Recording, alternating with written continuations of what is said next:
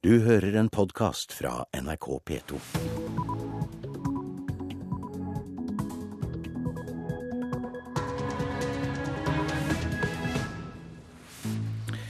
Så er vi framme ved fredagen, nærmere bestemt 7. desember. Nå klokka 6.30 har vi disse hovedsakene i Nyhetsmorgen.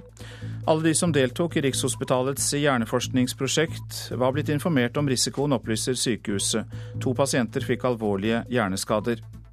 Når bank-ID skal brukes til resepter, kan sensitive opplysninger komme på avveie, mener sikkerhetsekspert. Barack Obama har ringt Mohammed Morsi. USA oppfordrer til dialog mellom myndighetene og demonstrantene i Egypt. Trafikktrøbbel i vente når 20 EU-ledere kommer til Norge for å ta imot nobelprisen mandag. La bilen stå, for det vil bli stor trafikk, og det vil bli skal vi si, korte stengninger. Så det beste for oss er hvis folk kan bruke kollektivtransport. Stabssjef i Oslo-politiet Johan Fredriksen. Billig strøm og varmepumper fører til at vi fyrer mindre med ved enn før. Vi produserer jo mer nå enn hva vi gjorde før, men det er jo vist seg at vi får ikke solgt det som er tørt som skulle vært ut. Inge Reinfeldt i Vekst Harstad. Her i studio, Øystein Heggen. Alle de 122 pasientene som deltok i Rikshospitalets hjerneforskningsprosjekt, var blitt informert om risikoen ved å delta. Det opplyser Oslo universitetssykehus. To av pasientene fikk alvorlige hjerneskader, og prosjektet er nå stanset. Det var TV 2 som torsdag kveld meldte om forskningsprosjektet. Bank-ID er overhodet ikke så sikkert som myndighetene hevder, mener sikkerhetsekspert. Sensitive opplysninger kan komme på avveie når bank-ID også skal brukes på resepter og 270 andre offentlige tjenester. Kryptolog Christian Jøsten ved NTNU sier det er lett å svindle bank-ID. Sikkerheten til alle nettstedene som bruker bank-ID, nettbanker, mine resepter og lignende, synker. Fra slutten av november kom BankID som nytt valg for å logge inn på nettjenester i mer enn 270 offentlige virksomheter. Man får det samme innloggingsbildet om man skal søke på studieplass, sjekke skatteoppgjøret eller se på resepter. Tre millioner nordmenn kan nå gå inn og se sine elektroniske resepter, for du kan bruke bankbrikken din. Og den er du ganske trygg på sier helseminister Jonas Gahr Støre. Nei, det er ikke sikkert, og det blir mye mindre sikkert av at det brukes så mange steder, advarer Kristian Jøsten ved NTNU. Alle i sikkerhetsbransjen er klar over at bank-ID er sårbare for en hel rekke angrep som burde være mindre sårbare overfor. Reportere Linda Reinholdsen og Johan B. Settem. USAs president Barack Obama har ringt sin egyptiske kollega Mohammed Morsi og gitt uttrykk for dyp bekymring over at demonstranter er drept og såret under protestene i landet. Det opplyser Det hvite hus. I en fjernsynstale i går kveld oppfordret Morsi til dialog mellom motstandere og tilhengere. Obama sier at alle politiske ledere i Egypt må gjøre det klart for sine tilhengere at vold er uakseptabelt. Og vi får mer om Egypt etter klokka sju. Sminket rapport om prestisjeprosjekt Ny giv i 10. klasse, skriver Aftenposten. Kunnskapsminister Kristin Halvorsen fastslo at det var en suksess, men rapport viser at elevene tvert imot fikk dårligere karakterer enn de som ikke deltok i prosjektet. Miljøaktivister kastes ut av Qatar under klimatoppmøtet, skriver Klassekampen. Miljøorganisasjoner advarer mot innstramming i åpenheten under Doha-toppmøtet der flere møter holdes bak lukkede dører og sivilsamfunnet blir nektet taletid. Sju år med prisvekst er oppslaget i Dagens Næringsliv. Det viser prognosen fra Statistisk sentralbyrå. Færre kyllinger dør under frakt, er oppslaget i Nasjonen. 12 000 færre slaktekyllinger døde under frakt i fjor, sammenlignet med 2010, og bransjen mener det er en positiv trend. Kulda gir fullt hus hos Frelsesarmeen, skriver Vårt Land. Feltsengene står tett i tett i menighetssalen i Oslo. De husløse strømmer til Frelsesarmeen når kulda biter. Stavanger universitetssykehus sliter med å få besatt stillinger, skriver Stavanger Aftenblad. Sykehuset mangler 212 årsverk, og vanskeligst er det å få tak i sykepleiere.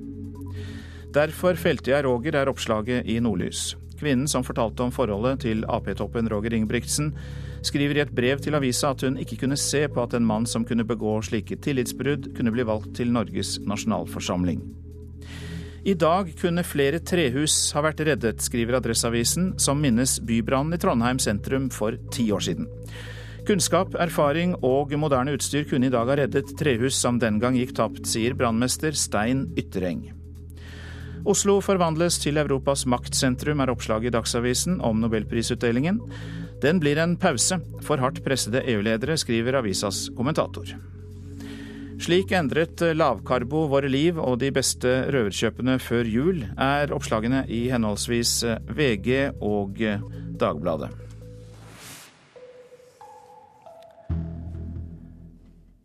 Det kan bli et stort sikkerhetsoppbud mandag når Nobels fredspris deles ut til EU i Oslo. Forsinkelser på veier og ved Oslo lufthavn kan bli resultatet.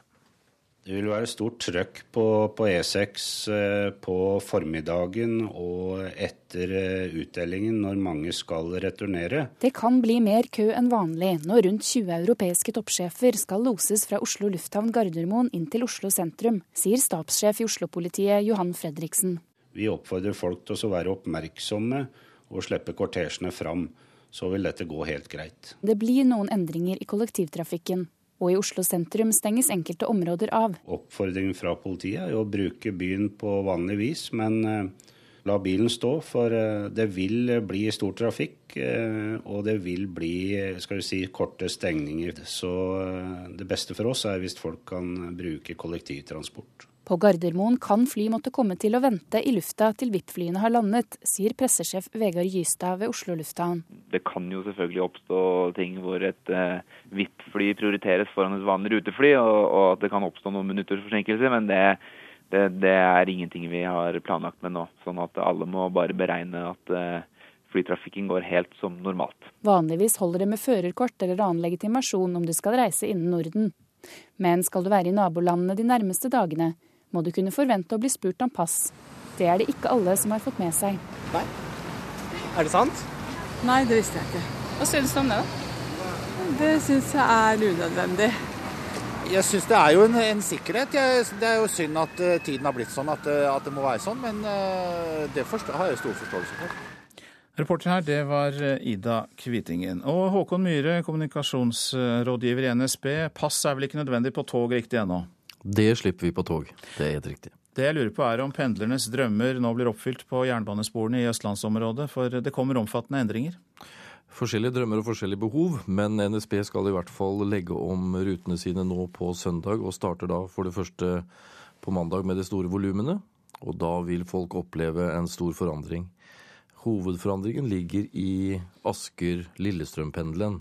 Der vil folk merke det veldig godt, for der vil vi få det vi kaller timinutters avganger. Gå på stasjonen, og det kommer et tog. Det er budskapet vårt til folk der. Men vi legger jo også om disse rutene andre steder i landet. Eh, alle våre strekninger får nye tidstabeller.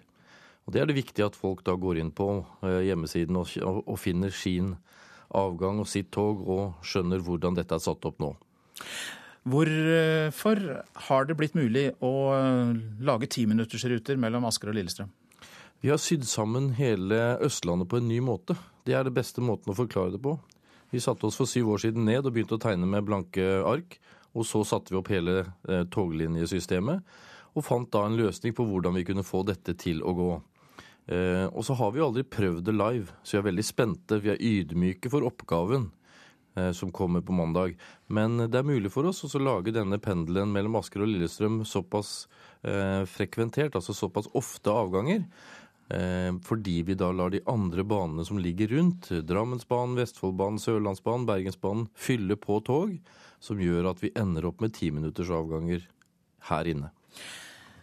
De som eh, reiser da der det er en stor trafikk og mange folk, får det altså forhåpentligvis bedre, men så er det også noen som får et dårligere tilbud. Altså det er noen linjer der reisetida faktisk blir lenger. Ja, det er helt riktig. Eh, F.eks. Spikkestad, som er i nær eh, omkrets her. Så er det sånn at de, jo, de utgjør underkant av 3% reiser totalt på Østlandet, og vi har måttet prioritere. Spikkestadbanen fikk da ikke et bedre tilbud denne gang.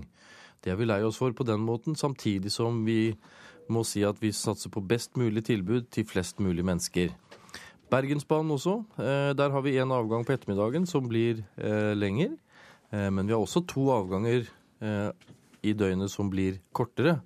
Grunnen til dette er at vi har satset på bytrafikken. Oslo først, Bergen først. Og så distansen imellom har da måttet tilpasse seg det lokale kollektive tilbudet. Da er du klar for mandagen, Håkon Myhre? Jeg gleder meg, jeg. ok, Vi håper at det går bra. Lykke til. Takk skal du ha for at du kom i eh, studio. Takk. Nå til eh, noe helt annet, som vi gjerne sier. Det er valg i Romania på søndag. Den tidligere diktaturstaten som har vært EU-medlem i fem år, skal velge ny nasjonalforsamling. Og det har vel gått alt annet enn fredelig for seg. Kollega Roger Severin Bruland, du kjenner jo forholdene i Romania? Det har vært høy temperatur, eh, mye pga. ei opptakt i, i sommer der en prøvde å avsette presidenten. Noe som har gjort eh, valgkampen nå både personlig og bitter. Du, Hvorfor skal vi bry oss om Romania, for å ta det grunnleggende spørsmålet først? Fordi, eh, Hva som gjør det landet viktig nå? Eh, det er et land med enormt potensial. Eh, det største landet på Balkan med 20 millioner innbyggere. Har en naturlig lederskapsrolle i regionen. Strategisk viktig plassering langs Svartehavet. Viktig mellomlanding for amerikanske soldater i Afghanistan eh, til dømes. Det er her de multinasjonale selskapene kommer først. Fra Norge så har vi Orkla, norske verft, datafirma. Kommunismen eh, i Romania har et veldig godt eh, utdanningssystem. De har massevis av ingeniører, eh, spesielt dataingeniører. Og så I tillegg så kan vi jo legge til at det har jo et av Europas rikeste flora og fauna. Største bjørnestammen i Europa. Og et Donau-delta som et svært sårbart område det haster med å verne. Så her er det mange ting som foregår i Romania. Så god utdanning eh, er kanskje eh, en av de få tingene de fikk med seg etter eh, Nicolai Ceaucescos diktatur. Men hva strides partene om i det nåværende demokratiet? Det er en veldig personlig valgkamp. I sommer så prøvde de å avsette presidenten, som leder en av de, en av de to store politiske blokkene. Han, han, står ikke på valg, men han er en, en leder der. Og den regjeringa som han, han eh, si, er president over, det er da en regjering som står imot han og vil fjerne han, for de mener han går utover sine fullmakter. Og eh, det er egentlig det valgkampen handler om. Eh, for den eh, eh, regjeringa som, eh, som, nå styrer, Victor Ponta, statsminister Victor Ponta, mottoet hans i valgkampen har vært 'ned med bas, president Basesco'. Men du, Er det politisk retning eller personkonflikt, først og fremst? Eh, det er vanskelig å se eh, noe politisk retning, for det, det ser ut som at politikerne kan hoppe kan hoppe fra ene parti til det andre uten problem. Så det virker veldig personlig. Og da blir det jo også en helt annen tone i valgkampen. Det vil jeg tro. Valg i Romania på søndag. Mange takk for at du kom i studio, Roger Severin Bruland. De tsjekkiske håndballspillerne fikk mye mer rom mellom de norske spillerne under EM-kampen i går. Kvinnelandslaget sikret seg likevel en 21-19-seier. Trener Torir Hergeirsson var ikke bare fornøyd med hvordan Kristine Lunde Borgersen sto i midtforsvaret. Det var variabelt som òg resten av Forsvaret. Eh, det, det, er vanskelig å peke ut én, for det er ofte kjedereaksjoner i forsvarsspillet. NRKs håndballekspert Øystein Havang sier det tydeligere. Evner ikke å komme rundt strekspiller, er ikke flink til å komme fram på skytter og mangler rett og slett litt, eh, litt gnist i spillet sitt og blir eh, for veik i taklingene. Tsjekkerne ledet lenge og var på vei mot en håndballbombe. Heller ikke Kristine Lunde Borgersen selv var helt fornøyd. Eh, I dag er det litt sånn fram og tilbake, men sånn generelt så er jeg ganske fornøyd. Men i dag skrant det litt for alle hele veien, så. Men de norske håndballjentene kjempet inn en tomålsseier tross skrantende forsvarsspill. Torir Hergersson tror likevel ikke det skal bli Norges akilleshæl i EM. Eh, det tror jeg ikke. Tror vi har eh, gode treere, og jeg tror at vi får justert de små tinga der. De får justert bra, tror jeg. Reporter i Serbia, Anders Werner Øfsti. Nå går klokka raskt mot kvart på sju. Vi har disse hovedsakene i Nyhetsmorgen. Alle de som deltok i Rikshospitalets hjerneforskningsprosjekt var informert om risikoen, opplyser sykehuset. To pasienter fikk alvorlige hjerneskader. Når bank-ID skal brukes til resepter, kan sensitive opplysninger komme på avveie, mener sikkerhetsekspert. Og Barack Obama har ringt Mohammed Morsi. USA oppfordrer til dialog mellom myndigheter og demonstranter i Egypt. Nå til Qatars hovedstad Doha. Der stilles politikerne overfor massive krav når de i løpet av dagen skal komme fram til en ambisiøs avtale under FNs klimakonferanse.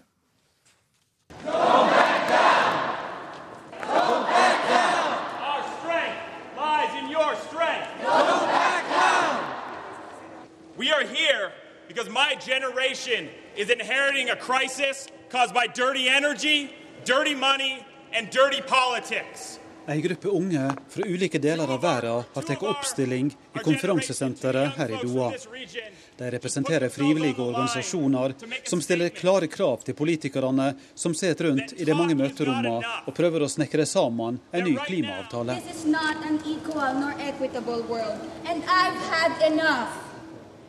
Maria Teresa Lauron fra Filippinene har ordet.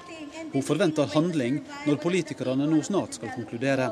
We demand that the, the, the wealthy industrialized nations really commit and honor those commitments for a legally binding climate regime. You know, the Kyoto Vi krever at de rike, industrialiserte landene virkelig forplikter seg til en bindende avtale. Kyoto-avtalen går ut om få dager, og vi venter fremdeles på forpliktende løfter om kutt i utslipp av klimagasser, sier hun. År etter år har forhandlere og politikere kommet sammen til klimakonferanser som dette. Hun er lite imponert. They are not exercising the leadership that the world's peoples really need right now. And I'm referring specifically to the US because the US is an acknowledged world leader. However, it is also De utøver ikke et lederskap som verden virkelig trenger nå. Jeg tenker særlig på USA, men også EU må forplikte seg til drastiske kutt og til å bidra med finansiering av tiltak som kan hjelpe de fattige landene med å håndtere klimaendringene, legger hun til. Justice! Blant de som roper ut sine krav til utsendingene som går forbi, er det også norske ungdommer. Både Natur og Ungdom, Changemaker og Spire er på plass i Doha. De har klare krav til miljøvernminister Bård Vegar Solhjell, sier Silje Lundberg, leder i Natur og Ungdom. Vi legger veldig sterkt press på Bård Vegar, og det er ikke bare vi som gjør det. Det har ungdom fra hele verden gjort de siste dagene, og sendt han egne budskap for hva det er de ønsker at han skal gjøre, og for, deres forventninger til han. Så han må vite at eh, vi følger med på det han gjør, og hvis han svikter, ja da kommer han til å få høre det. Hva er det aller viktigste? Det aller viktigste det er å sørge for store utslippsreduksjoner og ambisjoner som i dag mangler i klimaforhandlingene, som blir lagt på bordet, og som sikrer at vi ikke koker kloden, men at man faktisk greier å holde seg innenfor togradersmålet. Utenfor døra til den norske delegasjonen møter vi Henrik Harbo, han som har hatt ansvar for forhandlingene fram til ministrene tok over på tirsdag. Hvem er det som kommer først og fremst til å dra skuffa hjem fra dette møtet? Det er vi som hadde ønsket at vi hadde fått til høyere ambisjon globalt. At vi hadde fått til mer utslippskutt. Og i den gruppen så faller jo Norge, eh, EU og mange u-land. Your strength lies on our strength. Don't back down! Long live international solidarity. Reporter i Doha, Eivind Molde. Og miljøvernminister Bård Vegar Solhjell, du er med oss på telefonen nettopp fra Doha. Og eh, ja, du kommer til å få høre det hvis du, ikke, hvis du svikter, var det en av aktivistene som sa her. Så hvilket håp har du under innspurten for å lose i landet en ny og forpliktende klimaavtale? Jeg kan først love at jeg allerede får høre det. Jeg får veldig mange meldinger på sosiale medier og andre steder med budskap fra ikke minst unge fra hele verden. Det viktigste vi nå prøver, det er å få til en, det som heter Kyoto 2, som er så ambisiøs som mulig. Kyoto 2 er en avtale der de, eh, mange av de rike landene tar på seg utslippsforpliktelser fra nå til 2020. Det er viktig, fordi vi har store utslipp og må gjøre mye. Eh, men det er klart, vi vil i åra som kommer måtte trenge en stor, brei avtale der òg Kina, India, USA, de store utslippene er med. Og det vil vi ikke få her. Eh, Så vi vil ikke få den avtalen vi verden virkelig trenger, selv om Kyoto 2 vil være viktig.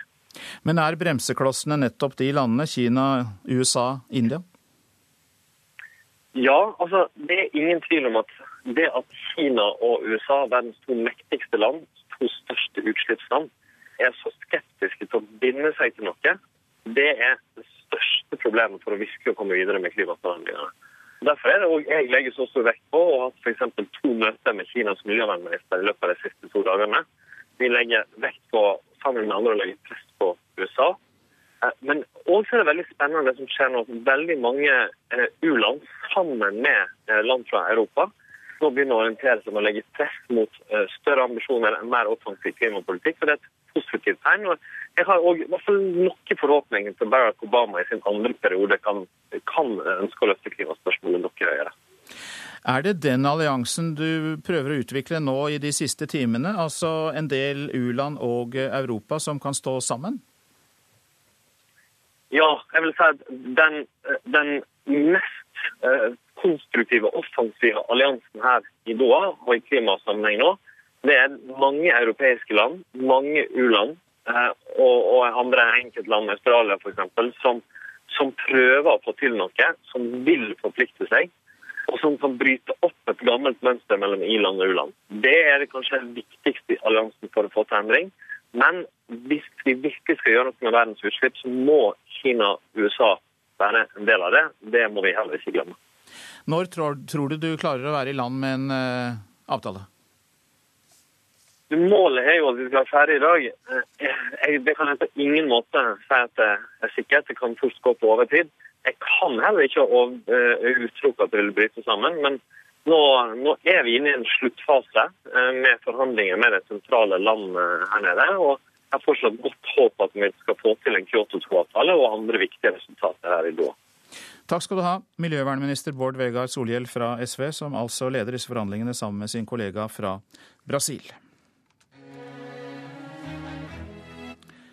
Takket være billig strøm og flere varmepumper, så fyrer vi mindre med ved enn tidligere her hjemme.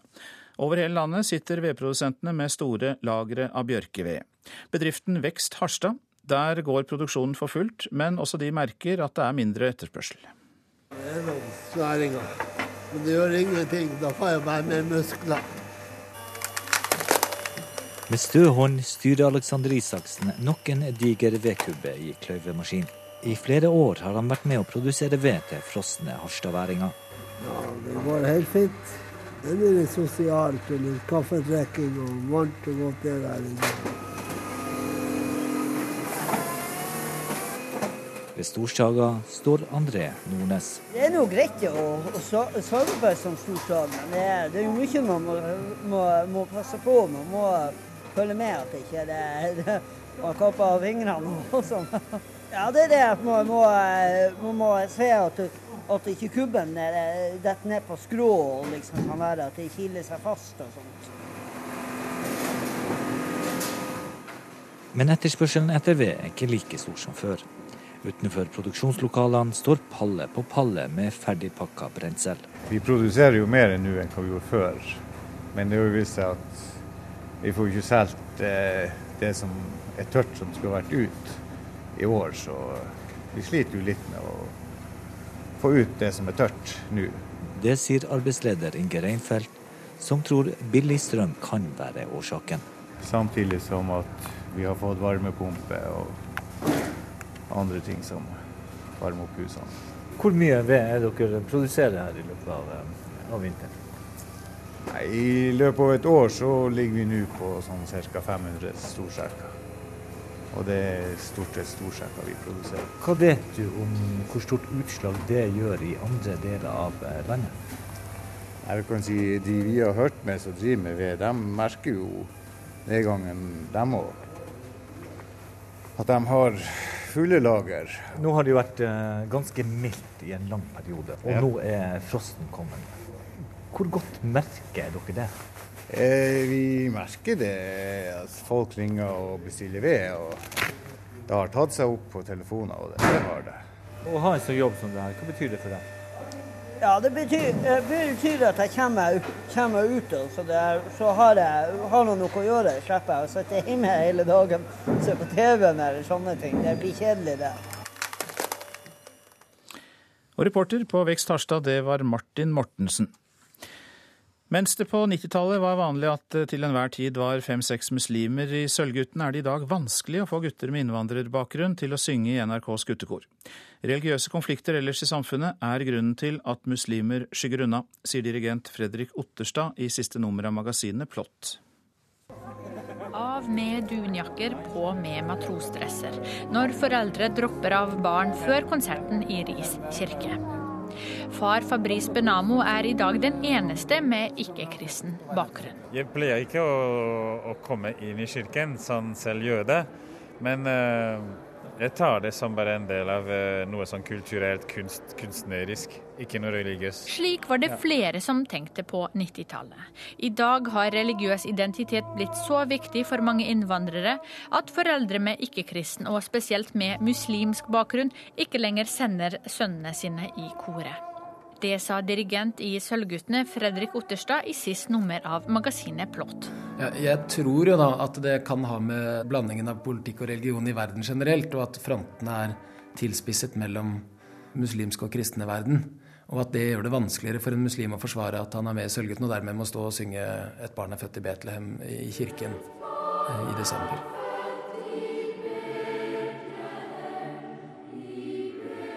Otterstad var sanger i Sølvguttene på 80- og 90-tallet. Da var det til enhver tid fem-seks gutter med muslimsk bakgrunn i koret. Nå er det vanskelig å finne noe. Eh, det var flere eh, muslimer som sang i Sølvguttene da jeg var barn. Og Noe av grunnen til at de kanskje var hos oss og ikke f.eks. i domkirken, var at vi ikke var knyttet til en kirke. Og at jeg opplevde at det var få som hadde da problemer med at man sang kristen kirkemusikk, men at man så på det mer som en på en måte noe som er en uh, sunn og fin ting for barn å drive med, og lærerik. Nå er det endret. at det er, Vi har prøvd å holde konserter i sentrum mest i Grønland kirke og sånn, og, og, og, vi når dem ikke helt. Altså, de, jeg, de, de, kommer ikke til oss i noen særlig utstrekning. Det er overraskende påstand for meg. Jeg håper at det ikke stemmer. Det sier SV-er og visepresident i Stortinget, Akhtar Chaudhry. Han tror at det i dag er mer kommunikasjon mellom ungdom med minoritets- og majoritetsbakgrunn enn tidligere. For meg er det sånn at det norske samfunnet går framover. Vi kommer nærmere hverandre. Eh, vi har flere arenaer. Vi har mer tid sammen på de arenaene. Vi blir bedre kjent med hverandre. Barrierene blir bygd ned og ikke opp. Chaudhry har selv bakgrunn fra Pakistan, og syns ikke det bør være et problem for muslimske barn å synge i norske kor. Ja, altså, når det gjelder musikk, så har vi jo ingen barrierer. Eh, om du er muslim eller hindu eller kristen eller hvem du er. Eh, og veldig mange muslimer har et meget godt og, og avslappet og fantastisk forhold til, eh, til, til, til musikk. Aviv Ben Amo har jødisk far og kristen mor, og syns ikke det er rart å synge norske julesanger. De er fine, det er, det er ikke noe rart med dem. Sa Aviv til slutt der, til reporter Sofia Paskiewicz. Så et værvarsel. Fjell i Sør-Norge, stort sett pent vær. Østland og Telemark opphold og perioder med sol, men noe mer skyet i øst. Agder østlig stiv kuling vest for Lindesnes. Minkende utover dagen. Litt snø i sør, først på dagen, ellers opphold. Rogaland og Hordaland stiv kuling på kysten lengst i sør. Gradvis minkende vind. Enkelte snøbyger sør i Rogaland, ellers opphold og til dels pent vær. Sogn og Fjordane stort sett pent. Møre og Romsdal og Trøndelag liten kuling i nord. I indre strøk av Trøndelag litt snø først på dagen, ellers til dels pent vær. Så var det Nordland. Liten kuling i utsatte fjordstrøk, stort sett opphold. Troms får liten kuling i utsatte fjordstrøk. I kveld kan det bli til dels stiv kuling. Stedvis lave skyer i grensedraktene, ellers for det meste pent vær i Troms. Så var det Finnmark. Liten kuling utsatte steder i vest og pent vær. På vidda mer skyer og lokal tåke. I kveld sørlig liten kuling i utsatte fjordstrøk. Nordensjøland på Spitsbergen oppholdsvær, kort og godt. Temperaturer målt klokka fire i natt. Svalbard lufthavn minus seks, Kirkenes minus 18, Vardø minus fem, Alta minus tolv, Tromsø minus sju, Bodø minus tre. Brønnøysund minus to, Trondheim minus ni, Molde minus ti, Bergen minus fire. Så har vi en enslig plussgrad i Stavanger, én grad. Kristiansand-Kjevik minus fem, Gardermoen minus 13, Lillehammer minus 14, Røros minus 16 grader. Og Oslo-Blindern hadde minus sju grader da klokka var fire. Du hører en podkast fra NRK P2.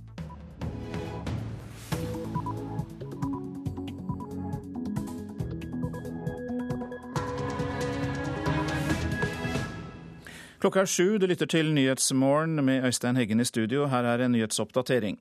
Politiet blir nektet innsyn i førerkortregisteret, og det kan hindre etterforskning av kriminelle. Politiet har da bedt i enkelte saker om å få et utskrift av bilde og signatur i, i, helt konkrete saker. Og da har vi tatt ut de opplysningene fra vårt register og oversendt det til politiet. Eh, og det gjør vi nå da ikke lenger. Kari Aamodt i Vegdirektoratet. Kyoto-avtalens framtid skal avgjøres i løpet av det neste døgnet, men forventningene er ikke store. Så Vi vil ikke få den avtalen vi verden virkelig trenger, selv om Kyoto 2 vil være viktig. Miljøvernminister Bård Vegar Solhjell. Barack Obama har ringt Mohammed Morsi. USA oppfordrer til dialog mellom myndigheter og demonstranter i Egypt. Sensitive opplysninger kan lekke når bank-ID skal brukes på resepter og andre offentlige tjenester alle i sikkerhetsbransjen er klar over at banker er sårbare for en hel rekke angrep som den burde være mindre sårbare overfor. Sikkerhetsekspert Christian Jøsten. Røykvarslere og brannslukningsapparater kan gå ut på dato uten at du merker feilen. Folk har røykvarslere, men de må kanskje fjerne batteriene pga. den plages når de lager mat eller dusjer. Og så da blir det glemt å sette inn igjen. Sa underbrannmester i Vadsø, Steffen Holsbø. Nyhetsmorgen.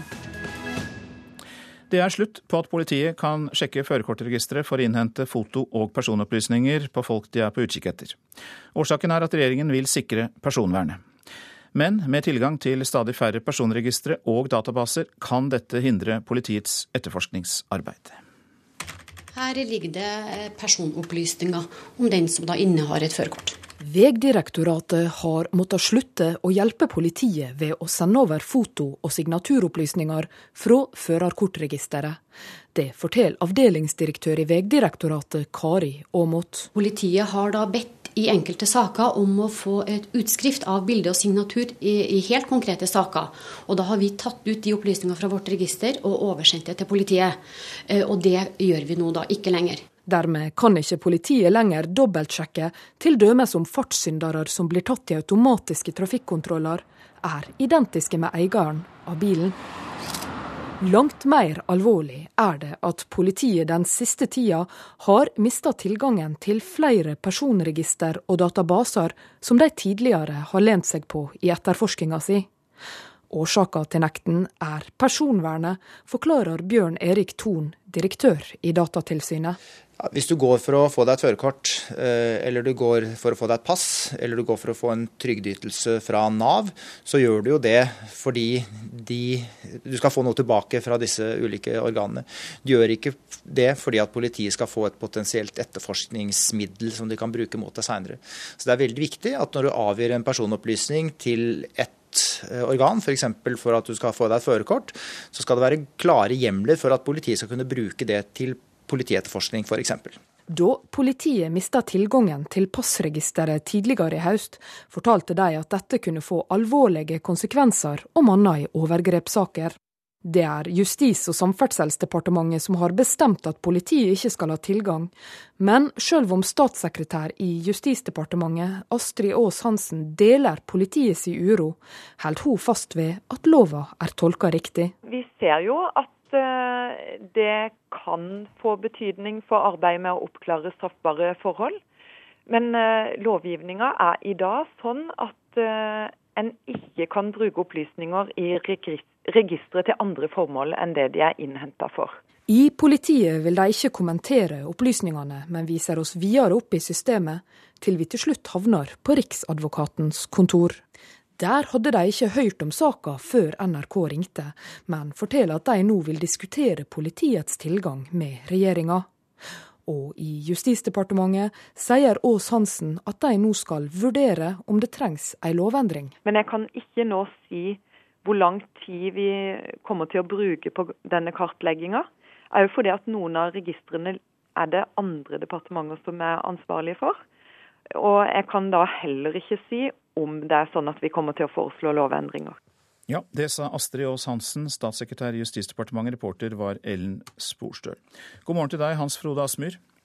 Du er stortingsrepresentant og justispolitiker fra Fremskrittspartiet. Hva syns du om at politiet mister denne tilgangen? Jeg syns dette er veldig alvorlige opplysninger som vi nå får. Vi har tidligere kjent med at uh, politiet har blitt nektet uh, innsyn i, uh, i passregisteret, bl.a. Når vi tenker på hva politiets oppgave er, og det er jo å ivareta vår alles sikkerhet, så må vi ikke få denne typen skott mellom offentlige etater som gjør at politiets etterforskning blir byråkratisert, og at de ikke får tak i de opplysningene som er helt nødvendig for å oppklare viktige saker. Så her mener jeg at eh, vi nå er nødt til å få en eh, gjennomgang av eh, hvilke skranker som skal gjelde for politiets tilgang til andre offentlige registre, sånn at vi får en klarhet i hvilke retningslinjer politiet må ivareta for å komme inn i disse registrene. Men hva kan det føre til? At vi ikke har den tilgangen? Ja, Det eh, kan føre til at alvorlige saker ikke blir oppklart. Eh, eh, vi hadde en alvorlig hendelse 22.07. i fjor, hvor opplysninger fra andre etater kunne kanskje ha ført til at vedkommende kunne ha blitt avslørt. Så dette kan få ganske store, alvorlige konsekvenser. Men først og fremst er jeg redd for at politiet må bruke veldig mye tid på byråkrati og prøve å få andre etater i i, eh, i, tale, eh, og også at de må eh, via rettsvesenet for å kunne få tak i disse opplysningene. og Det er en misbruk av politiets arbeidstid. Men så er det jo slik at dataregistrene for førerkort, pass og trygdeytelser er etablert for et annet formål enn etterforskning. Og er ikke da risikoen for å bli Det er ikke den vi tenker på når vi legger inn våre opplysninger i de registrene? Nei, men samtidig så er jo dette opplysninger som myndighetene sitter på. og Hvis vi har klare retningslinjer for når politiet kan gå inn, så tror jeg ikke det er noen, eh, noen fare. Eh, det viktige her er jo at eh, politiet får tilgang til viktige opplysninger. Samtidig så skal vi ivareta personvern ved at vi har tydelige retningslinjer for hvordan disse blir oppbevart, og hvem som har tilgang til til registrene. Men politiet er jo ikke en etat som strør om seg eh, offentlig med opplysninger. De er godt kjent med hvordan man skal ivareta eh, eh, personopplysninger. Ja, Men så er det jo slik at mer og mer informasjon lagres av ulike myndigheter, og det er eh, kommunikasjon mellom databasene. Og Datatilsynet var jo veldig opptatt av dette. De er jo på en måte demokratiets brannmur. altså De prøver å stoppe misbruk av dataopplysninger. Så er det ikke bedre å være føre var og begrense? Føre var skal vi være ved å ha tydelige retningslinjer. og Her spiller selvfølgelig Datatilsynet en viktig rolle i forhold til å, å sette opp de retningslinjene. Men vi, vi, kan ikke bli handlingslammet som samfunn ved at uh, offentlige etater ikke snakker sammen og ikke kan utveksle uh, opplysninger seg imellom. Så en lovendring må til? Lovendring til, må til, og der, dette skal vi ta opp med justisministeren. Takk skal du ha, stortingsrepresentant og justispolitiker fra Fremskrittspartiet, Hans Frode Asmyr. Etter at eh, demonstranter tente på hovedkvarteret til Det muslimske brorskap seint i går kveld, har det vært en forholdsvis rolig natt i Kairo, mens president Mohammed Morsi i sin tale i går nektet å etterkomme motstandernes krav, tok han til orde for dialog og inviterte til samtaler. Sigurd Falkenberg Mikkelsen, du er med oss fra Kairo. Hvordan skal vi tolke Morsi? Det var veldig lite i denne talen som eh, innbyr til dialog. Eh, han ga ingenting til opposisjonen, og han talte også i en tone som minnet mye mer om en autoritær leder à la hans forgjenger enn en demokratisk valgt president. Eh, og som alle de andre brorskapsfolkene nekter han å innse eh, egen rolle i den situasjonen som eh, nå har oppstått. Sånn at dette tilbudet om dialog han kom med, virker mer som en del av et politisk spill. At han vil forsøke å tilfredsstille resten av verden, og særlig da USA. Vise villighet og kanskje sverte opposisjonen hvis ikke de dukker opp. Jeg vil gjerne holde fast med kontakten med deg, Sigurd Falkenberg Mikkelsen, men jeg går også til en gjest i studio, professor Bjørn Olav Utvik fra Senter for islam- og Midtøsten-studier, Universitetet i Oslo. Det muslimske brorskap har vært forbudt i flere tiår, så hvorfor skulle det overraske oss at de griper muligheten til å sikre seg mer makt nå? Jeg tror vi må se dette fra brorskapets perspektiv også. Og Da er det sånn som du sier, at de har vært undertrykt, og de kjemper med andre for en uh, revolusjon som skulle gi mulighet for valg og demokrati. Og så har de vunnet to valg. Og så har de opplevd at en domstol dominert av gamle Mubarak-folk oppløste det parlamentet der de har i flertall. Og så opplever de nå at uh, man forsøker via demonstrasjoner å presse vekk den presidenten som er, som er demokratisk valgt.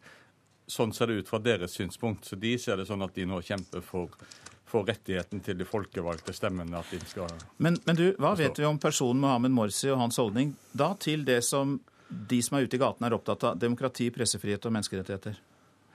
Nei, han har jo altså i likhet med, med brorskapet har jo vært, han vært en som over de siste tiåra har gitt sin tilslutning til dette. Det er klart samtidig, hvis vi skal Han som person, for det første er han jo ikke noe sjarmtroll. Og det er jo riktig som, eh, som Falkenberg Mikkelsen sier, at han kunne godt høres ut som Mubarak i formen. Han gir ingenting eh, eh, Han innrømmer ikke at det er to sider i disse voldelighetene som nå eh, foregår. Og han, eh, han, legger stor vekt på hvordan noen skumle folk har finansiert disse, disse demonstrasjonene. Um, men han er, han er pressa opp i et hjørne. Det er ikke helt riktig heller at han ikke ga noe. Han, han, sier jo at han er villig til å gå tilbake på deler av dette dekretet, særlig de delene av det som, eh, som satte hans beslutninger over domstoler og over lov. Sigurd Falkenberg Mikkelsen, det er jo helt klart at det, uansett om han gir litt eller ingenting, så er det veldig sterke følelser i sving i Egypt. Og hva tror du det kan føre til i de nærmeste timene og dagene? Nei, Det kommer nok til å bli en stor demonstrasjon eh, i dag eh, også. Eh, den kommer nok til å foregå på to fronter, både på Tahrir-plassen og delvis utenfor presidentpalasset. Nå har jo brorskapsmedlemmene trukket seg bort fra, fra selve palasset, og nå står hæren der. slik at det bidrar jo til i hvert fall å minske faren for gatekamper, slik det skjedde på onsdag. Eh, men det er fortsatt en utrolig eh, spent situasjon her, og eh, volden ligger like under overflaten hele tiden. Du vandrer i disse folkemengdene, du snakker med folk. Hva må til for at de skal bli fornøyde? Er det slik at alle mener at presidenten må gå av? Det var nok mange som ikke mente det fram til onsdag kveld. Eh, og Da var det mer et ønske om å få i gang en eh, dialog og få i gang en prosess rundt eh, Grunnloven. Men etter at Brorskapet sendte sine demonstranter ut for å angripe demonstrantene utenfor presidentpalasset, så, det, så er det mange som nå ikke ser noen vei tilbake. og De demonstrasjonsropene som nå gjaller, de er de samme som under Mubarak. altså Erhal, Erhal, forsvinn, forsvinn. Og regimet må falle og slike ting. Men det er klart at de er også i en vanskelig situasjon, fordi det er en demokratisk valgt president. Eh, eh, sånn at eh, Situasjonen er veldig fastspent. Men det er klart at det er veldig provoserende for de menneskene som nå demonstrerer i gatene, å høre presidenten lansere konspirasjonsteorier om at de er betalte demonstranter, når det var i stor grad de samme menneskene som startet revolusjonen mot Mubarak, som nå fortsetter demonstrasjonen mot, mot Morsi. Bjørn Olav Utvik, er det slik at eh, begge parter her eh, bygger opp til mer konfrontasjon? Det virker ikke på meg som det da er noe eh, ønske om dialog foreløpig? Nei, det var betegnende for situasjonen at en av Morsis rådgivere, Rafiq Habib, en, den mest prominente kristne rådgiveren hans, gikk av i går uten å i og for seg protestere mot noe, men han sa bare følgende Nå, for den som ønsker å bygge broer, så er dette ikke tiden. For nå bygges det murer og åpnes det gap. Men hva tror du det da kan til, føre til? Nei, i, i verste fall så, så det, kan det bli en slags uh, Det kan bli en slags selvoppfyllende profeti. fordi at hvis demonstrantene på den ene sida eh, reagerer negativt på hva Morsi sa i går, og presser videre, uh, så er det spørsmålet hvordan skal Morsi møte, møte dette. Han kan sende ut motdemonstranter, det har vi sett hva det fører til. Eh, han kan sende inn innenriksministeriet, men dette innenriksministeriet og politiet er det samme som Mubarak sitt, med de samme metodene. Så Da får vi fort en selvoppfyllende profeti om en, om en, eh, om en politistat. Det er, men det er jo å håpe fremdeles si, at denne eh, dialogen som er invitert til på lørdag, at folk faktisk møter opp der, og at det, det kan starte en prosess mot å, å, løse opp i dette. Men jeg tør ikke spå det. Det virker som mye kanskje henger på den åpningen for dialog på lørdag?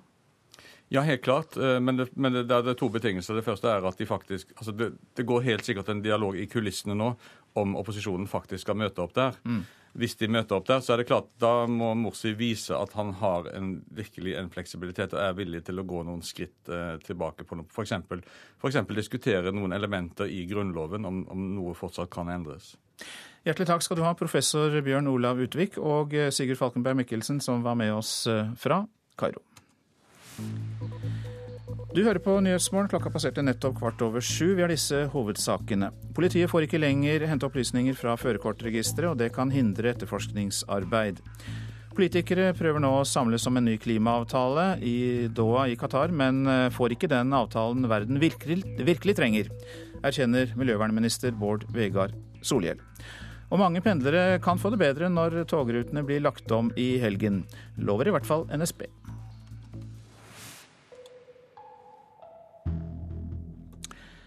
Bank-ID er det mange som bruker etter hvert, men det er overhodet ikke så sikkert som myndighetene hevder, mener sikkerhetsekspert. Sensitive personopplysninger kan komme på avveie når bank-ID også skal brukes på resepter og 270 andre offentlige tjenester. Kryptolog Christian Jøsten ved NTNU sier det er lett å svindle med bank-ID. Det som eh, er problemet nå, er at den tekniske løsningen i BankID ikke er egnet for å brukes mange steder slik som nå planlegges. Det betyr at uh, sikkerheten til alle nettstedene som bruker BankID, nettbanker, mine resepter og lignende, synker. Fra slutten av november kom BankID som nytt valg for å logge inn på nettjenester i mer enn 270 offentlige virksomheter. Man får det samme innloggingsbildet om man skal søke på studieplass, sjekke skatteoppgjøret eller se på resepter. Tre millioner nordmenn kan nå gå inn og se sine elektroniske resepter, for du kan bruke bankbrikken din. Og den er du ganske trygg på sier helseminister Jonas Gahr Støre. Nei, det er ikke sikkert, og det blir mye mindre sikkert av at det brukes så mange steder, advarer Kristian Jøsten ved NTNU. Alle i sikkerhetsbransjen er klar over at banker er sårbare for en hel rekke angrep som burde være mindre sårbare overfor.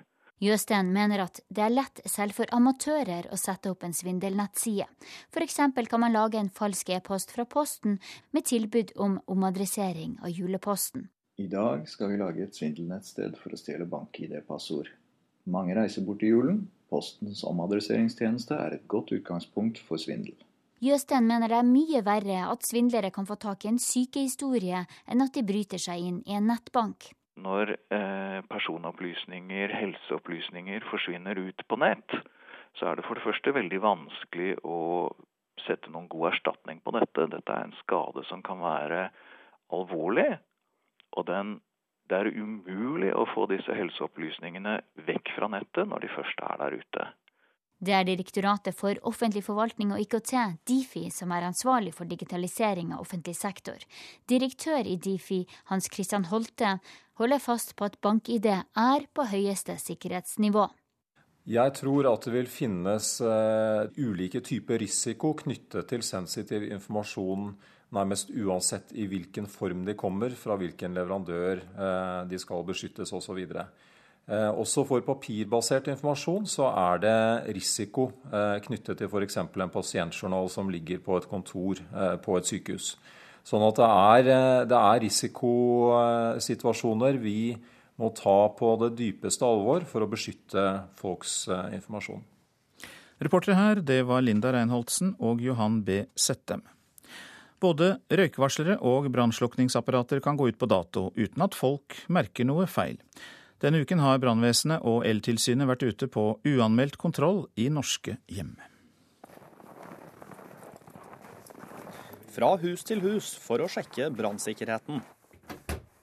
Hei, fra Eltilsynet og brannvesenet. Ja, vær så god. Kom inn. Nå er det Åge Harela i Vadsø sin tur til å få besøk. Steffen Holsbø fra brannvesenet og Tor Valenius fra Eltilsynet er ute på den årlige runden som kalles Aksjon boligbrann. Allerede inne i gangen hos Harila har de noe å påpeke ved røykvarsleren i taket. Det ser der også, det mangler batteri. Ja. Det var ikke batteri i det hele tatt. Men eh, denne varsleren her, den er over ti år gammel. Det er ikke noe. Ja, og det anbefaler det er ikke noe krav, men jeg anbefaler å kjøpe en ny. For selv om du trykker en knapp og den piper, så eh, elektronikken din kan være så svekka at at ikke sikkert den detekterer fort nok når det røyken kommer. Nå går det i hvert fall nytt batteri her, så skal vi se om det funker, da. Også brannslukningsapparater går etter hvert ut på dato. 94. Da må du kjøpe ny den her. Den er ikke godkjent mer. Ikke den? Nei. Når den er over ti år gammel, så skal den inn på en tiårskontroll. Eh, Men den kontrollen den eh, koster så mye i dag i forhold til hva produsentene lager den for, så det er faktisk billigere for deg å kjøpe et nytt. Huseieren var ikke videre overrasket over at feil ble avdekket. Jeg var egentlig klar over at vi både mangla litt på røykvarslersida, og uh, det brannslukkingsapparatet trodde jeg egentlig var greit. Men uh, det må byttes, ja. Det elektriske anlegget og vedovnene var inspektørene desto mer fornøyde med. Annet sto ovnene på riktig fundament. Og glassplata under, det er jo solid. Over hele landet har brannvesenet og Eltilsynet gått fra hus til hus denne uken og sjekket brannsikkerheten der folk var hjemme. Som en av de heldige syns Harila det var greit å få en gratis vurdering av huset. Så får man uh, ta den gjennomgang og rette opp i det som er galt. Og Holsbø fra brannvesenet ser at besøkende hos folk har effekt. Det ser ut som når de bare får vite hva som gjelder, så tar de det på alvor. Og noe som går igjen mange steder, er manglende røykvarsling. Enkelte syns nemlig at lyden kan være plagsom. De må kanskje fjerne batteriene pga. den plages når de lager mat eller dusjer. Og så da blir det glemt å sette inn igjen. En annen fare er kombinasjonen av gamle elanlegg og mye elektrisk utstyr, forteller Valenius. For det litt eldre huset har en tendens til å være lite stikkontakter, og da begynner folk å bruke mye skøyteledning. Og eh, belaster man skøyteledning med, med utstyr, elektrisk utstyr som krever større uttak, sånn som vaskemaskiner og tørketrommer og sånt, så kan jo medføre brannfare. Og hjemme hos Åge Harila skulle oppfordringen fra kontrollørene følges sporenstreks. Nå blir det nytt brannslukningsapparat. Jeg skal fikse det i dag, så ikke utsett det mer. Der fikk vi noen gode råd. Reporter var Harald Stavseth. Så til det avisene skriver. Sminket rapport om prestisjeprosjektet Ny GIV i 10. klasse, skriver Aftenposten. Kunnskapsminister Kristin Halvorsen fastslo at det var en suksess, men rapport, en rapport viser at elevene tvert imot fikk dårligere karakterer enn de som ikke deltok i prosjektet. Miljøaktivister kastes ut av Qatar under klimatoppmøtet, skriver Klassekampen. Miljøorganisasjoner advarer mot innstramming i åpenheten under Doha-toppmøtet, der flere møter holdes bak lukkede dører og sivilsamfunnet blir nektet taletid. Sju år til med prisvekst er oppslaget i Dagens Næringsliv. Det viser prognosen fra Statistisk sentralbyrå. Færre kyllinger dør under frakt, er oppslaget i Nasjonen. 12 000 færre slaktekyllinger døde under frakt i fjor, sammenlignet med 2010, og bransjen mener at det er en positiv trend. Kulda gir fullt hus hos Frelsesarmeen, skriver Vårt Land. Feltsengene står tett i tett i menighetssalen i Oslo. De husløse strømmer til når kulda biter. Stavanger universitetssykehus sliter med å få besatt stillinger, skriver Stavanger Aftenblad. Sykehuset mangler 212 årsverk, og vanskeligst å få tak i er sykepleiere. Derfor felte jeg Roger, er oppslaget i Nordlys. Kvinnen som fortalte om forholdet til Ap-toppen Roger Ingebrigtsen, skriver i et brev til avisa at hun ikke kunne se på at mannen som kunne begå slike tillitsbrudd, kunne bli valgt til Norges nasjonalforsamling. Hallgeir Berge inviterer 20 asylsøkere og barnefamilier hjem til seg i Strandebarm, forteller Bergensavisen. Nå bruker studenten Facebook for å samle inn julepynt og annet utstyr for å skape stemning for sine gjester. I dag kunne flere trehus ha vært reddet, skriver Adresseavisen, som minnes bybrannen i Trondheim sentrum for ti år siden. Kunnskap, erfaring og moderne utstyr kunne i dag ha reddet trehus som den gang gikk tapt, sier brannmester Stein Ytreng. Oslo forvandles til Europas maktsentrum, er oppslaget i Dagsavisen om nobelprisutdelingen. Den blir en pause for hardt pressede EU-ledere, skriver avisas kommentator. Slik endret lavkarbo våre liv og de beste røverkjøpene før jul. Ja, det er oppslagene i henholdsvis VG og i Dagbladet. Nord-Korea I Nord-Korea kan den ventede prøveoppskytingen av en tretrinnsrakett ha blitt hindret av kraftig snøvær. Satellittbilder viser at raketten ikke er på plass, slik Sør-Korea tidligere har meldt. Ifølge amerikanerne vil den nordkoreanske Una-raketten i framtida kunne bli brukt til å angripe mål i USA. Lederen for den palestinske flyktningeorganisasjonen UNRWA, Filippo Grandi, frykter at en halv million palestinske flyktninger i Syria skal kunne bli involvert i borgerkrigen i landet. Grandi besøkte Damaskus i går, og da fikk han forsikringer fra regjeringen om at den ikke kommer til å rekruttere palestinere. I går ble Kate, hertuginnen av Cambridge, skrevet ut av sykehuset hun har vært innlagt på i tre dager med alvorlig svangerskapskvalme. Nå skal hun ta det med ro en stund framover, og må stå over sine rojale plikter for å passe på at den framtidige tronarvingen har det godt i mors liv. Men tippeglade briter er i full gang med å vedde om alt som angår den kongelige nykommeren.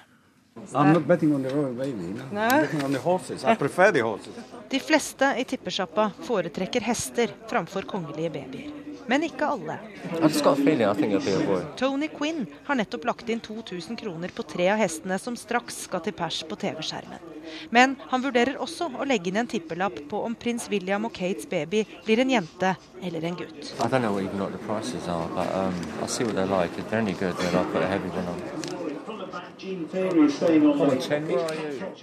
Men først skal han heie fram hest nummer ti. Dessuten er det ikke mye penger å hente på å vedde om kjønn. Det ligger foreløpig helt jevnt 50-50. Men folk tipper på mye annet som gjelder den kommende britiske tronarvingen, forteller daglig leder i Betfreds filial Darren Metton.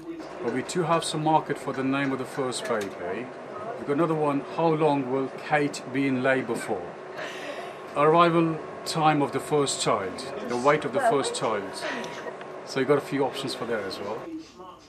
Barnets fødselsvekt, tidspunkt på døgnet det blir født, tid det tar å føde barnet, og ikke minst navn på barnet. Alt dette hadde britene begynt å sette penger på før Kate var ute av sykehuset med morgenkvalmen sin.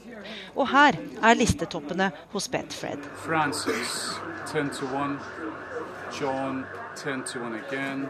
Francis, John, Spencer, Charles og Oliver på guttenavn.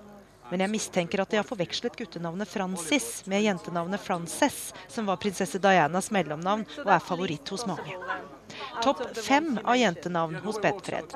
Anne, Diana, Victoria. Anne, Diana, Victoria, Mary, Sarah. Det rare her er at Elisabeth er helt ute. Det topper nemlig lista hos andre tippesjapper.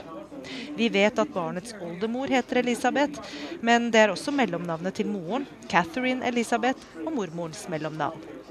Men det er altså mye å velge i, og det er godt da at de kongelige gjerne har mange navn. Pappaen heter f.eks. William Arthur Philip Louis. Time of the first child. Uh, starts from 23 to 1. Mellom klokka 11 på kvelden og 1 på natta er foretrukket tidspunkt for den kongelige babyens ankomst. Det skal ta mellom 9 og 12 timer å føde barnet, som veier mellom 3,18 og 3,41 kilo ved fødsel. Litt rare tall fordi engelskmenn bruker pounds og ikke kilo. Men altså fullt mulig både å tjene og tape penger på den ufødte krabaten. Daglig leder Daram Metan satser på det første. Hopefully, hopefully, that's what hopefully. You will make money out of it as well. Then. You know, everyone makes money, absolutely. It's the time for us as well. Oh. Tony Quinn derimot har ikke hellet med seg i hesteveddeløpet i dag. 2000 kroner rett ut av lomma. Da blir det ikke flere bonger i dag. Heller ikke på gutten til Kate og William, for han vet det er en gutt. En gutt som ikke engasjerer alle briter. No, I'm not. I'm not interested in royalty. I'm sorry. Ja, vi har eh, vært innom eh, tippesjappa Betfred i London sammen med vår korrespondent der, Gry Blekastad Almås. Etter Dagsnytt eh, skal vi høre om to erkefiender som er tiltalt for forbrytelser mot menneskeheten, men som nå slår seg sammen for å vinne valget i Kenya neste år. Høyre og SV barker sammen til debatt om arbeidslivet i Politisk kvarter, og der stilles også spørsmålet om Forsvaret er forsømt. Produsent for Nyhetsmorgen, Ingvild Ryssdal. Her i studio, Øystein Heggen. Og så minner jeg også om at du kan laste ned hele Nyhetsmorgen som podkast. Mer informasjon om det finner du på nrk.no.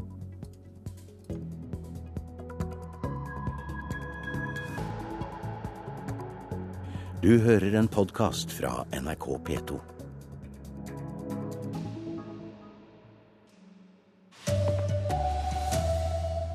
Politiet får tilgang til færre personregistre, frykter at det fører til dårligere etterforskning. Miljøvernere stiller harde krav til politikerne under innspurten av FNs klimakonferanse. Skam og skyldfølelse er grunnen til at det tok åtte år før den 25 år gamle kvinnen varslet om Roger Ingebrigtsens tillitsbrudd, skriver hun selv i et åpent brev. God morgen, her er NRK Dagsnytt klokken 7.30. Det er nå slutt på at politiet kan sjekke førerkortregisteret for å innhente foto og personopplysninger til folk de er på utkikk etter. Grunnen er at regjeringen vil sikre personvernet, men med tilgang til stadig færre personregistre og databaser kan dette hindre, hindre politiets etterforskningsarbeid. Politiet har da bedt i enkelte saker om å få et utskrift av bilde og signatur i, i, helt konkrete saker. Og da har vi tatt ut de opplysningene fra vårt register og oversendt det til politiet. Eh, og det gjør vi nå da ikke lenger. Vegdirektoratet har måttet slutte å hjelpe politiet ved å sende over foto- og signaturopplysninger fra førerkortregisteret. Det forteller avdelingsdirektør i Vegdirektoratet Kari Aamodt. Dermed kan ikke politiet lenger dobbeltsjekke t.d. om fartssyndere som blir tatt i automatiske trafikkontroller, er identiske med eieren av bilen. Langt mer alvorlig er det at politiet den siste tida har mista tilgangen til flere personregister og databaser som de tidligere har lent seg på i etterforskinga si.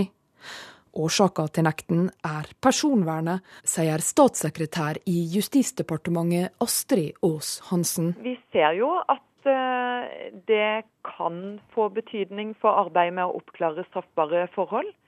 Men eh, lovgivninga er i dag sånn at eh, en ikke kan bruke opplysninger i registeret til andre formål enn det de er innhenta for. Riksadvokaten skal nå møte med Justisdepartementet for å diskutere om det er riktig å fortsette å nekte politiet tilgang til registrene. Reporter var Ellen Sporstøl. Er veldig alvorlig at politiet ikke lenger kan sjekke førerkortregisteret. Det sier stortingsrepresentant og justispolitiker Hans Frode Asmyr fra Fremskrittspartiet. Det eh, kan føre til at alvorlige saker ikke blir oppklart. Eh, eh, vi hadde en alvorlig hendelse 22.07. i fjor, hvor opplysninger fra andre etater kunne kanskje ha ført til at vedkommende kunne ha blitt avslørt. I Qatars hovedstad Doha er kravene massive til politikerne om å komme frem til en ambisiøs avtale. FNs klimakonferanse avsluttes i dag. En gruppe unge fra ulike deler av verden har tatt oppstilling her i Doha. De representerer frivillige organisasjoner som stiller klare krav til politikerne som sitter rundt i de mange møterommene og prøver å snekre sammen en ny klimaavtale. Blant de som roper ut sine krav til utsendingene som går forbi, er det også norske ungdommer. De har klare krav til miljøvernminister Bård Vegar Solhjell, sier Silje Lundberg, leder i Natur og Ungdom.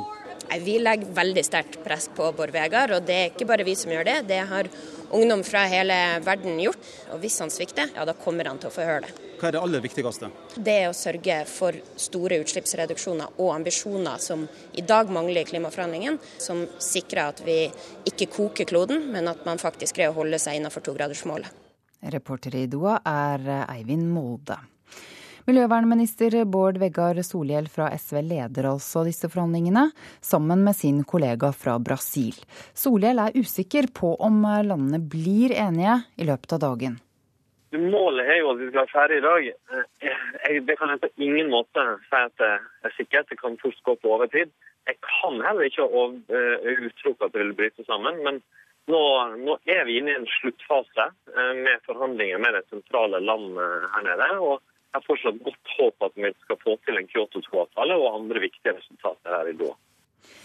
I Egypt har president Morsis motstandere varslet nye demonstrasjoner etter fredagsbønnen i dag.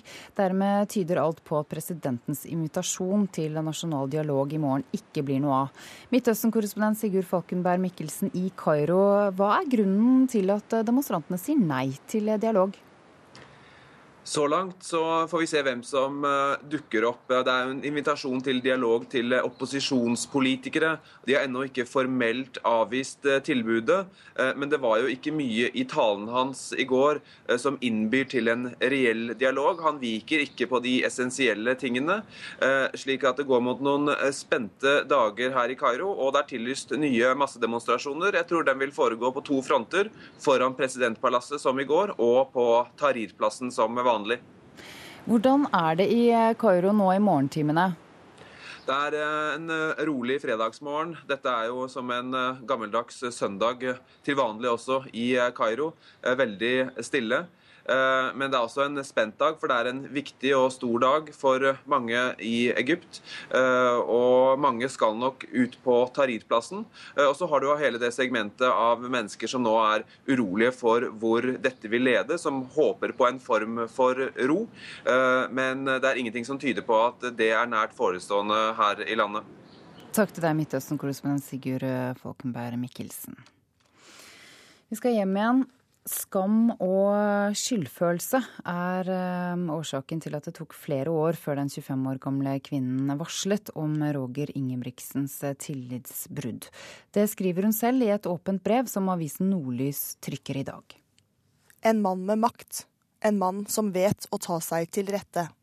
En mann som brukte meg mange ganger. Altfor mange. Hun bruker 631 ord på å fortelle sin historie etter en ukes mediestorm etter syv år med en hemmelighet. Jeg skulle ønske at jeg klarte å si ifra før, men skammen og skyldefølelsen for det jeg har vært igjennom, har hindret meg. Det var nå eller aldri. Beskyldningene har haglet mot henne etter varslingen kun dager før det viktige nominasjonsmøtet. Hun skriver hun visste det ville komme. Jeg klarte ikke å se på at en mann som kan begå slike tillitsbrudd, skal kunne bli valgt til Norges nasjonalforsamling, folkets røst. Reporter her var Lars Nehru Sand. Bank-ID er eh, overhodet ikke så sikkert som myndighetene hevder, mener sikkerhetsekspert. Sensitive opplysninger kan lett havne på avveie når bank-ID også skal brukes på resepter og 270 andre offentlige tjenester, mener kryptolog Christian Jøsten ved NTNU, som eh, sier det er lett å svindle bank-ID. Sikkerheten til alle nettstedene som bruker bank-ID, nettbanker, mine resepter og lignende, synker. Fra slutten av november kom BankID som nytt valg for å logge inn på nettjenester i mer enn 270 offentlige virksomheter. Man får det samme innloggingsbildet om man skal søke på studieplass, sjekke skatteoppgjøret eller se på resepter. Tre millioner nordmenn kan nå gå inn og se sine elektroniske resepter, for du kan bruke bankbrikken din. Og den er du ganske trygg på sier helseminister Jonas Gahr Støre. Nei, det er ikke sikkert, og det blir mye mindre sikkert av at det brukes så mange steder, advarer Kristian Jøsten ved NTNU. Alle i sikkerhetsbransjen er klar over at banker er sårbare for en hel rekke angrep som burde være mindre sårbare overfor. Jøsten mener det er mye verre at svindlere kan få tak i en sykehistorie, enn at de bryter seg inn i en nettbank. I motsetning til en nettbank så er skaden ikke lett å rette opp og den kan være veldig, veldig alvorlig. Og det er umulig å få disse helseopplysningene vekk fra nettet når de først er der ute. Det er Direktoratet for offentlig forvaltning og IKT, Difi, som er ansvarlig for digitalisering av offentlig sektor. Direktør i Difi, Hans Christian Holte, holder fast på at bank-ID er på høyeste sikkerhetsnivå. Eh, og vi har stilt sterke krav om sikkerhet som BankID bank-ID oppfyller. Så vi vurderer at dette er en uh, sikker og god løsning. Reportere Linda Reinholdsen og Johan B. Sette. Tsjekkiske jenter fikk stort spillerom mot Norge i håndball-EM i går. Det ble til slutt eh, norsk seier, men eh, Torir Hergeirsson var ikke bare fornøyd med hvordan Kristine Lunde Borgersen sto i midtforsvar. Det var variabelt som òg resten av Forsvaret. NRKs håndballekspert Øystein Havang sier det tydeligere. Evner ikke å komme rundt strekspiller, er ikke flink til å komme fram på skytter og mangler rett og slett litt, eh, litt gnist i spillet sitt og blir eh, for veik i taklingene. Tsjekkerne ledet lenge og var på vei mot en håndballbombe. Heller ikke Kristine Lunde Borgersen selv var helt fornøyd. Eh, I dag er det litt sånn fram og tilbake, men i dag skranter hun litt for alle hele veien. så... Men de norske håndballjentene kjempet inn en tomålsseier tross skrantende forsvarsspill. Torir Hergersson tror likevel ikke det skal bli Norges akilleshæl i EM. Eh, det tror jeg ikke. Vi får justert de små tinga der. De får justert bra, tror jeg. Reporter Anders Werner Øvsti. Ansvarlig for denne sendingen er Arild Svalbjørg, Hanne Lunås og Ida Creed.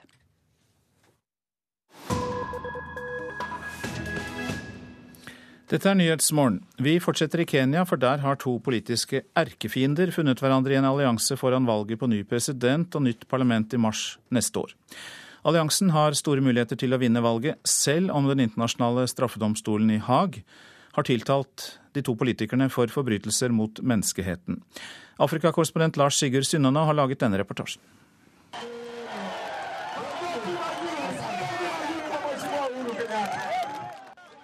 Jubel og klappsalver for en av Kenyas rikeste menn, Uhuru Kenyatta. Visestatsminister og finansminister, og sønn av Kenyas store frigjøringshelt og første president Jomo Kenyatta. Oppkjøringen til valget av ny president og nytt parlament i mars neste år er i full gang. Statsminister Raila Odinga, Kenyatta og andre håpefulle kandidater holder folkemøter over en lav sko og viktige politiske allianser er knyttet og kommet på plass denne uken. Mest oppsiktsvekkende er forbrødringen mellom finansminister Kenyatta og den tidligere undervisningsministeren William Ruto. De skal nå kjempe sammen for å vinne valget. Kenyatta, som tilhører den store Kikoyo-stammen, satser på presidentembetet, mens Ruto, som er anfører for Kalenjen-stammen i Rifdalen, sikter seg inn som majoritetsleder i parlamentet. Det er en mektig stammemessig allianse. Det er bare én hake ved opplegget. Den internasjonale straffedomstolen i Haag i Nederland har tiltalt begge to for forbrytelser mot menneskeheten under volden som rystet Kenya etter det forrige president- og parlamentsvalget for fem år siden. Straffesaken mot dem starter i april neste år. Det synes ikke Kenyatta å ta altfor tungt. When you open, you see at a coalition of suspects. Let me tell you, even a suspect has his own rights, even in their own nations.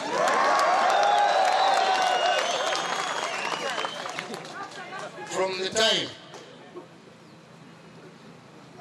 we were falsely accused hvis dere mener dette er en koalisjon av mistenkte, la meg da få si at selv mistenkte har rettigheter, selv i deres egen nasjon, sier Kenyatta. Helt siden det ble rettet falske anklager mot oss, har vi stått frem og fortalt nasjonen og det internasjonale samfunnet at vi både stiller til valg, og at vi kommer til å stille i Haag for å renvaske oss.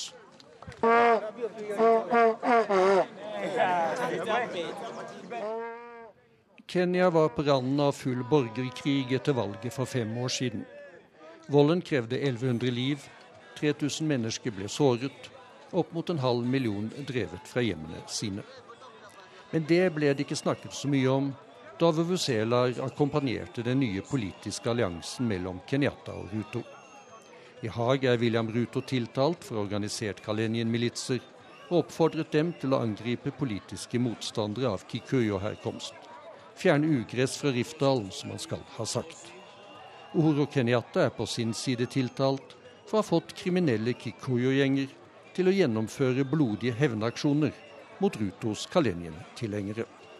Men nå står altså de to tidligere erkefiendene sammen foran et valg som William Ruto lover skal gå fredelig for seg til våren, uten vold eller blodsutgytelser. As we sign this agreement, we want to make a pledge to the people Kenya that under our leadership and watch, never again will blood be shed, property destroyed. Dette er hovedsakene i Nyhetsmorgen. Politiet får ikke lenger hente opplysninger fra førerkortregisteret, og det kan hindre etterforskningsarbeid. Kyoto-avtalens framtid skal avgjøres i løpet av det neste døgnet, men vi får ikke den avtalen verden virkelig trenger, erkjenner miljøvernminister Bård Vegar Solhjell. USA oppfordrer til dialog mellom myndigheter og demonstranter i Egypt. Og Bjørn Bø, arbeidstid er tema hos deg i Politisk kvarter. Er vi i ferd med å få for stutte arbeidsdager til å sikre velferd, spør vi. Og får Forsvaret farlig lite penger?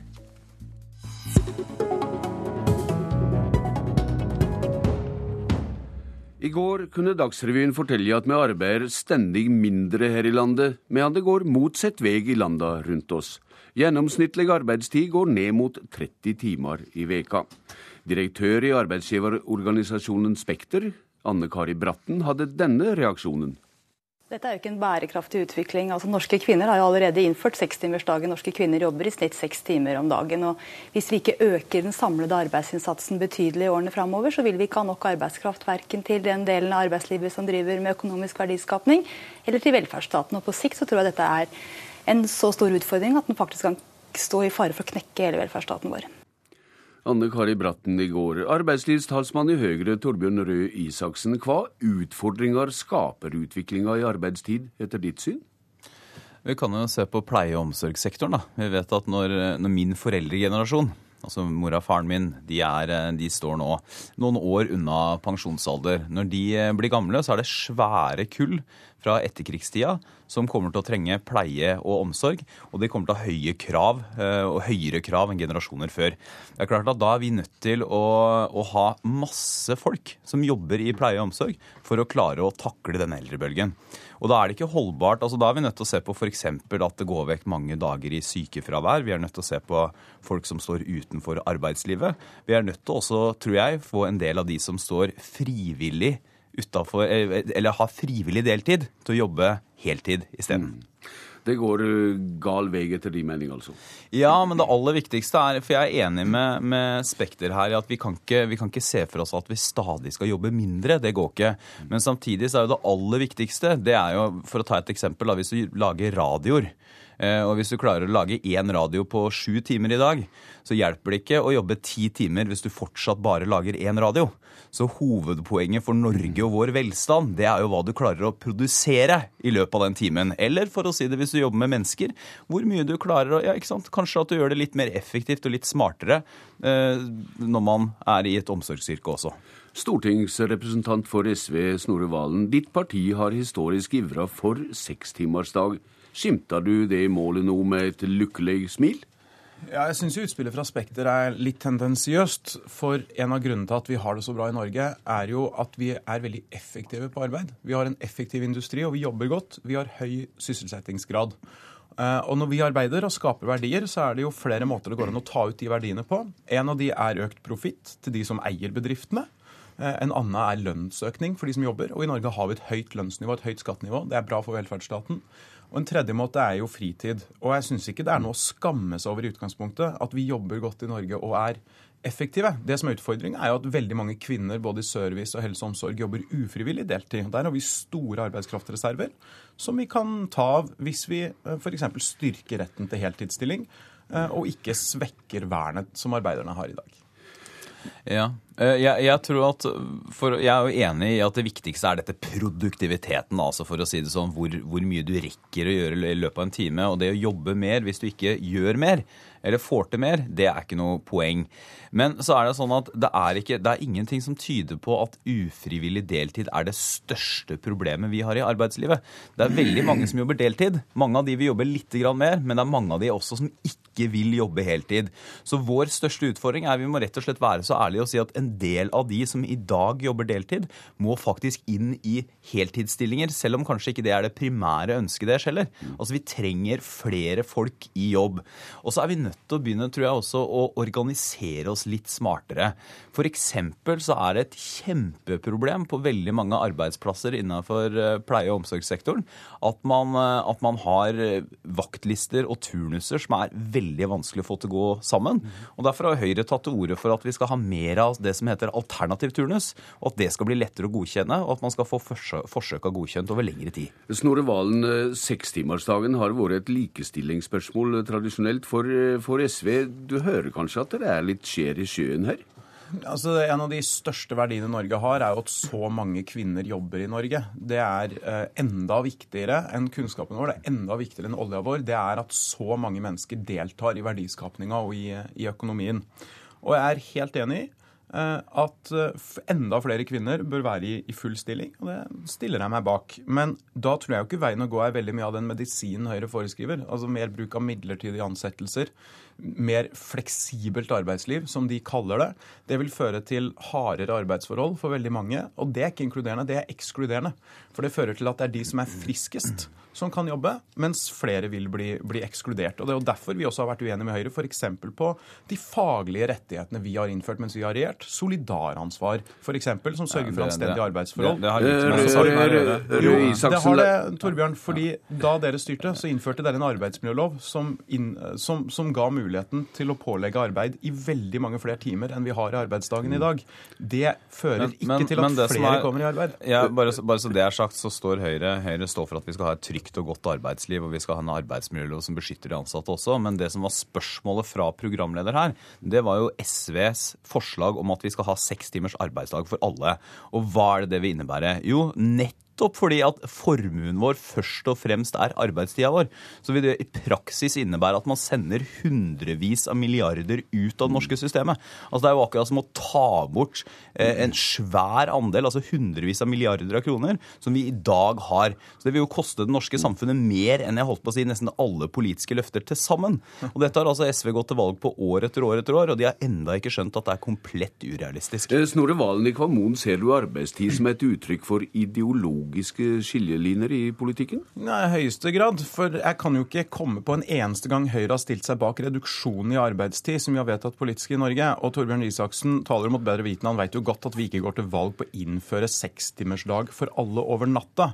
Men det er jo ikke noe tvil om at når vi skaper mye i det landet her, så kan det være bra både i et forbruks- og miljøperspektiv, et økonomisk perspektiv og et likestillingsperspektiv at vi har redusert arbeidstiden noen ganger, f.eks.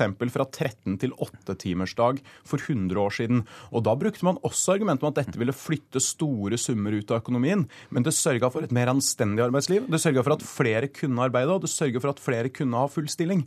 Og Det er noe av poenget her. Det er ikke sånn at det blir mindre verdiskapning av at vi jobber smartere og bedre. Det blir bedre verdiskapning, og det sørger for at flere som er nå er ekskludert fra arbeidslivet, får muligheten til å delta fullt ut. Røe Isaksen, du har så vidt vært inne på det, men hva vil du veldig kort si at blir annerledes dersom Høyre får regjeringsmakt når det gjelder arbeidstid?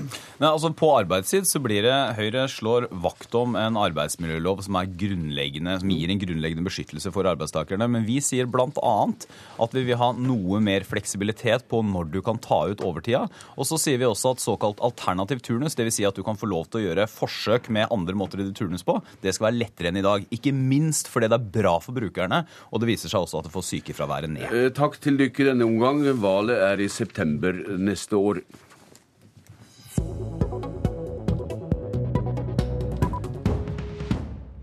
I dag skal Stortinget vedta forsvarsbudsjettet for neste år, 42,5 milliard kroner. Men det er slett ikke godt nok for at vi kan sove trygt, mener du, Ine Eriksen Søreide fra Høyre, som også er leder i utenriks- og forsvarskomiteen. Hva er de kritiske punktene etter ditt syn? Jeg skal ikke ta nattesøvnen fra folk, men det som er de kritiske punktene, er at regjeringa gjennom det budsjettet her viderefører den ubalansen som er mellom Forsvarets oppgaver og struktur, og de pengene de får til å løse de oppgavene. Det andre er at regjeringa ikke er åpen om det. Altså Det er et større mm. gap i virkelighetsbeskrivelsen nå mellom det som faktisk skjer ute i Forsvaret og det regjeringa presenterer. Og ikke minst så ser vi jo at det vil både på kort og lang sikt resultere i mindre operativ evne. Så regjeringa og stortingsflertallet skyter feil, slik du ser det? Ja, altså Det er en, eh, en stor og økende erkjennelse overalt ellers enn i Forsvarsdepartementet at Forsvaret ikke har de tilstrekkelige midlene til å drifte de kapasitetene vi har, både på kort og på lang sikt. Og ubalansen vil jo bare styrke seg etter hvert som vi går videre utover i denne langtidsplanperioden.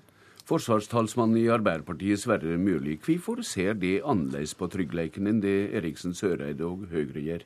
Jo, folk kan sove trygt i Norge. Vi har et svært godt og oppegående forsvar. Vi har antageligvis et av Natos aller beste forsvar. Fordi vi har omstrukturert, modernisert og endra Forsvaret. Vi har lagt ned en masse baser. Det har vært vanskelig og smertefullt politisk. Men det gjør at vi nå har et operativt, moderne, godt forsvar som er vel rustet til å gjøre jobben sin. Og det er jo det som er poenget. Forsvaret skal gjøre den jobben som vi politisk ønsker at Forsvaret skal gjøre, slik at folk kan sove godt på natta, som du starta med. Men, men eh, her er det snakk om kroner og øre også. Når Høyre vil gi over 3 milliarder kroner mer neste år til Forsvaret, er det etter ditt syn uten saklig grunnlag? Nei, det kan gjerne Høyre foreslå. Jeg regna på det, og jeg tror at Høyre Vi bruker mye på forsvar, over 42 milliarder kroner. Jeg regna på det og fant vel ut at Høyre skal øke forsvarsbudsjettet med noe sånt som 1,4% eller noe i den størrelsen. Så det er klart, det er jo ikke dramatisk. Men jeg respekterer, det kan være marginalt jeg, jeg respekterer sjølsagt eh, Høyres forslag, og det er jo litt av opposisjonens privilegier også å foreslå mer til nesten alle formål. Men jeg vil si at det er jo ikke noe poeng å bruke mest mulig på forsvar. 42 milliarder og mer enn det er veldig mye penger. Det er en av sektorene som har økt mest de siste åra, og vi er et av svært få Nato-land som øker forsvarsbudsjettene. De aller fleste kutter i stort monn, dessverre. Ja, Men sitt nå på ei grønn grein ellers også her i landet. Eriksen Søreide, forsvarssjefens fagmilitære råd, tar utgangspunkt i de økonomiske rammene det er flertall for. Er det både pengemengde og bruken av pengene du er kritisk til? Ja, og Forsvarssjefen sa jo i eh, det som da ble regjeringens langtidsplan, at det vil bli svært krevende å videreføre bærende elementer i forsvars, forsvarsstrukturen med det opplegget regjeringa legger fram. Det handler jo bl.a. om at de ønsker å bruke mindre penger enn det forsvarssjefen anbefaler på kampflykjøp. Og det kommer til å være den bærende faktoren i Forsvaret i mange år framover, både på investerings- og driftssida. Vi har fra Høyres side foreslått siden 2008 å bruke til sammen 3,26 milliarder kroner mer på drift i Forsvaret. Så i år er det altså 616 millioner, eh, altså for 2013. Det vi har sett over år, er at eh, forsvarsbudsjettet har hatt konstant sett en mindre vekst av BNP enn eh, en øvrig BNP. Og ikke minst det har vært negativ realvekst tre av de siste fem årene. Og Det får altså de konsekvensene at vi får mindre øving og trening. Vi har skip, fregatter som ligger til kai. Vi har soldater som ikke får øvd og trent på det de skal gjøre. Og det får konsekvenser for den operative evnen. Så det hjelper egentlig ikke å si at vi har Europas mest moderne marine eller vi har de beste kapasitetene, så lenge de ikke brukes, så lenge det ikke øves. Jo, jo, det, Sverre, Sverre Myrli, øving, øving, Øving har vært sentrale ord i debatten om samfunnstrygghet etter 22.07. i fjor. Har ikke Høyre poeng når en vil gi mer midler til øving neste år? Så Høyre har et uh, poeng, og, og, og, det er at uh, vi, må, vi, må, innrette oss annerledes enn det vi har gjort tidligere. Og det har vi også gjort. Og det Høyre ikke tar med i sine regnestykker, er jo den interneffektiviseringa og det Forsvaret har gjort med egen drift for å bruke penga annerledes enn det vi gjorde tidligere. Vi må huske på at etter den kalde krigen satt vi med masse anlegg, masse leire, masse baser rundt omkring som var svært dyre i drift. Masse av det er nå lagt ned for at vi skal ha mer penger. For at Kystvakten kan seile mer i nord, at, uh, at uh, garnisonen i Sør-Varanger kan gjøre seg At Heimevernet kan trene mer. Det er jo nettopp derfor vi får til dette. Fordi vi har omorganisert og bruker ressursene våre bedre enn vi gjorde tidligere. Eriksen Søreide, hva kan vi vente av ny forsvarspolitikk dersom du kommer i regjering neste høst? Høyre i regjering vil jo bidra til at vi får mer operativ evne, mer forsvar. Eh, og Det handler jo bl.a. om at vi skal ha både et sjøforsvar, en hær og et luftforsvar som faktisk er operativt, som flyr, som øver, som trener. Vi skal ha et heimevern som både skal kunne klare å løse de militære oppdragene de har fått, men også bidra i et videre samfunnssikkerhets- og beredskapsperspektiv. Men, men, men, da må du også prioritere ned på andre samfunnsområder, da? Ja, Vi har jo budsjetter som går i balanse hvert eneste år, og vi har prioritert forsvar som en av de de viktigste samfunnsoppgavene. Det har vi gjort både i regjering og det har vi gjort i opposisjon, og det kommer vi til å fortsette med. Sverre Myrli, hvor viktig mener du forsvarspolitikken blir inn i valgkampen?